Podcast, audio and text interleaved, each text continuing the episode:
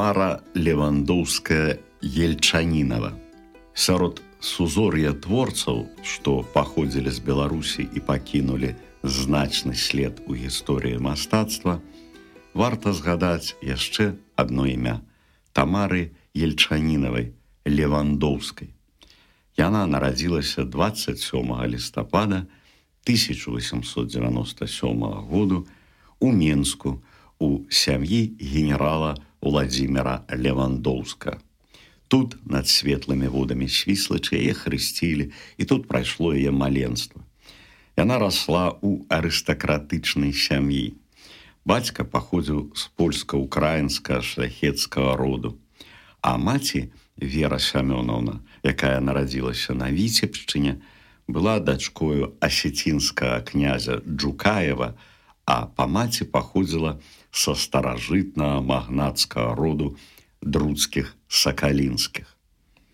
Вайсковая кар'ера бацькі пачыналася менавіта ў нашых краях, у Менску і вільні, дзе ён камандаваў 170 пяхотным маладзечанскім палком і даслужыўся да памочніка старшага ад'ютанта штаба віленская военная акругі. А затым сям'я пераехала ў далёкую Грузію, дзе Тамара закончыла гімназічнае навучанне. Яе бацька, заснаваўшы быў там у Тыфлісе прыватную гімназію, першую гэтак званую змяшаную на Каўказе, дзе адначасна вучыліся і хлопчыкі і дзяўчынкі. Ён сам і быў яе дырэктарам, а Тамара стала выкладчыцай. Яна спалучала ў сабе свавольную прагу да жыцця з глыбокай адукацыяй, культураю, а перадусім з вялікай самадысцыплінаванасцю. Там сама у гімназіі Тамара Левандоўская сустрэлася з будучым мужам, выкладчыкам славеснасці Александром Ельчанінавым, родам з Украіны. І ў 1916 годзе яны пабраліся шлюбам і здзейснілі падарожжа ў рассію. Там у Маскве Тамара і пазнаёмілася упершыню сябрамі мужа, філосафам, багасловам і паэтам Паўлам Флоренскім, літаратуразнаўцам Сергеем Цвятковым і філосафам Уладзімерам Эрнам. Але толькі было пачаўшы шчаслівае сямейнае жыццё, яны апынуліся ў веры грамадзянскай вайны. Пасля захопу Грузіі расійскімі бальшавікамі ім давялося выправіцца ў далёкі шлях назаўжды. У 1921 годзе з мужам і падгадаванай дачкою у труме апошняга парахода, адплылі яны з батума ў Канстантынополь. Затым патрапілі ў Францыю і асталяваліся на поўдні у ніцы. У 1926 годзе муж прыняў святарскі сан і сям'я пераехала ў Парыж. Каб быць побач з мужам у ягоных справах, яна вырашыла прысвяціць сябе іканапісу. Тамара, На той час маці траіх дзяцей ва ўзросце 30 гадоў занялася мастацтвам. Яна навучалася іканапіснаму майстэрству на курсах пры парыжскім сяргеюўскім падворку у пімена Сафронова, славутага майстра стараверскага іканапісу з Эстоніі, носьбіта жывое старажытныя традыцыі. Іконы унікальная з'ява ў гісторыі чалавецтва на мяжы мастацтва і рэлігіі. Іх у зіхуткім трапяткім святле свечаў і лампадаў бачыць мноства людзей. Да іх звяртаюцца, з імі гавораць, яны могуць прамаўляць да тых, хто верыць сэрцам. Тамара Ельчанінова ад прыроды, надзеленая талентамі і вострым мастакоўскім пачуццём, давала рады стварыць прыгажосць паўсюдна у любых умовах ствараць вакол сябе хараство.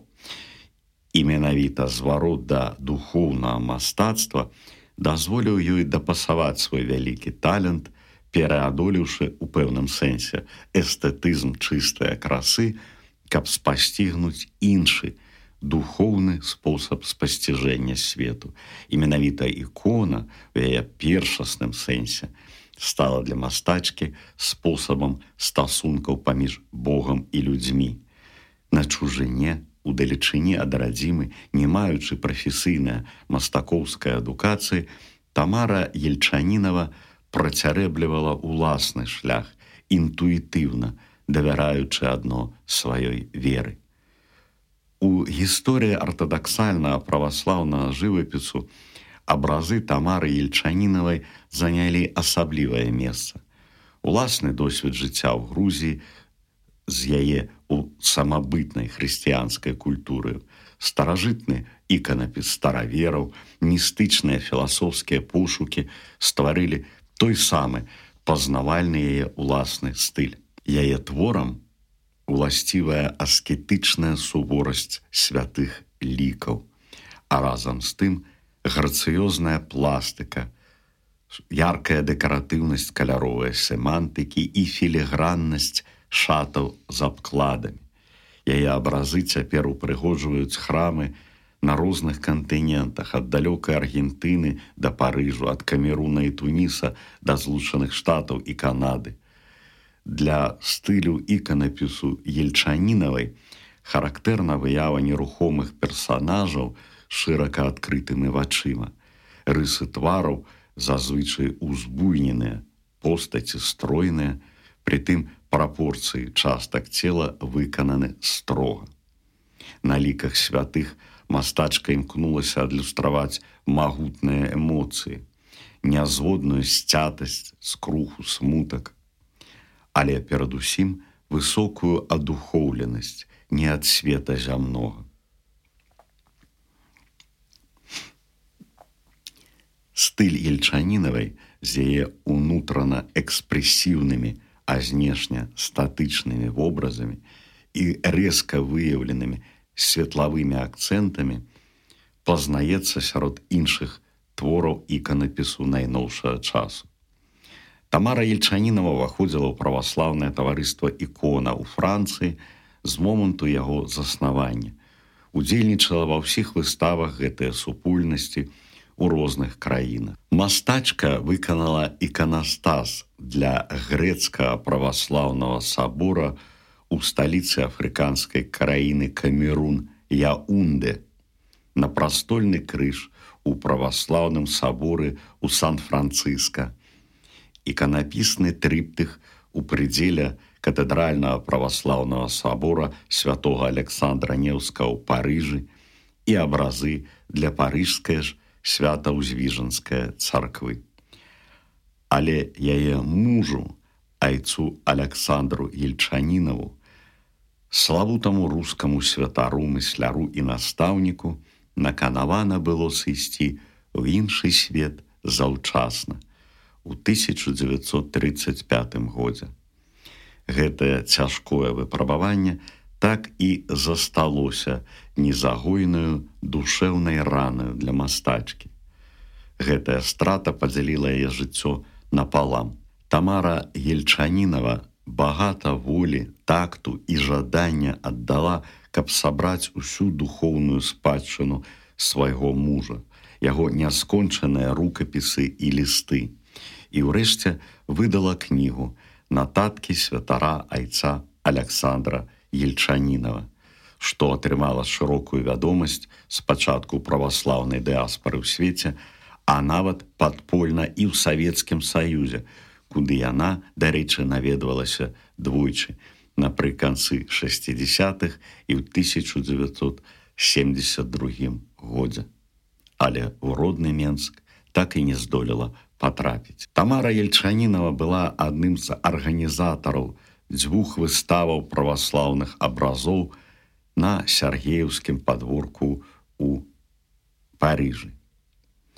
У 1954 годзе правяла разам з дачкою Маріяй Струве выставу абразоў у каталіцкім цэнтры на вуліцы Сан-Сюльпіс, напісала алтарны абраз для царквы святого Миколая цудатворца у булонь біянкуры под парыжам распісала царскія вароты для храма імя архангела рафаіла у мястэчку сен-рафаэль на марскім поўдні францыі яна выконвала мноства іканастасаў крыжовых хваругваў для церкваў францыі амерыцы афрыцы сярод яе спадчыны вялікая колькасць сямейных абразоў і іконы заходніх святых напрыклад святого францыска асіска.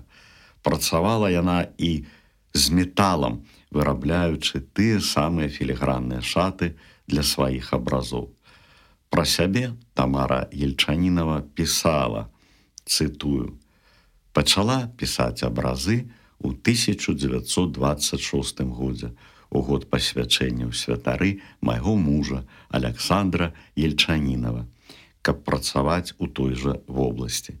Прайшла курсы іканапісу пры таварыстве ікона кіраваная фёдаровым нават прыблізна не магу вызначыць колькасць напісаных ікон з вялікіх прац. Іканастас для паходнай царквы руска-студэнцка хрысціянскага руху. Іканастас у царкве горада джойлет у штаце ілінойс ЗША іканастас у доме для старых у канах. Конец цытаты. Для сабора святого александра невского парыжы тамара ельчанінова выканала вялікі абраз знамення Божая маці ў кіёце, апроч згадана трыпціху прыдзеле.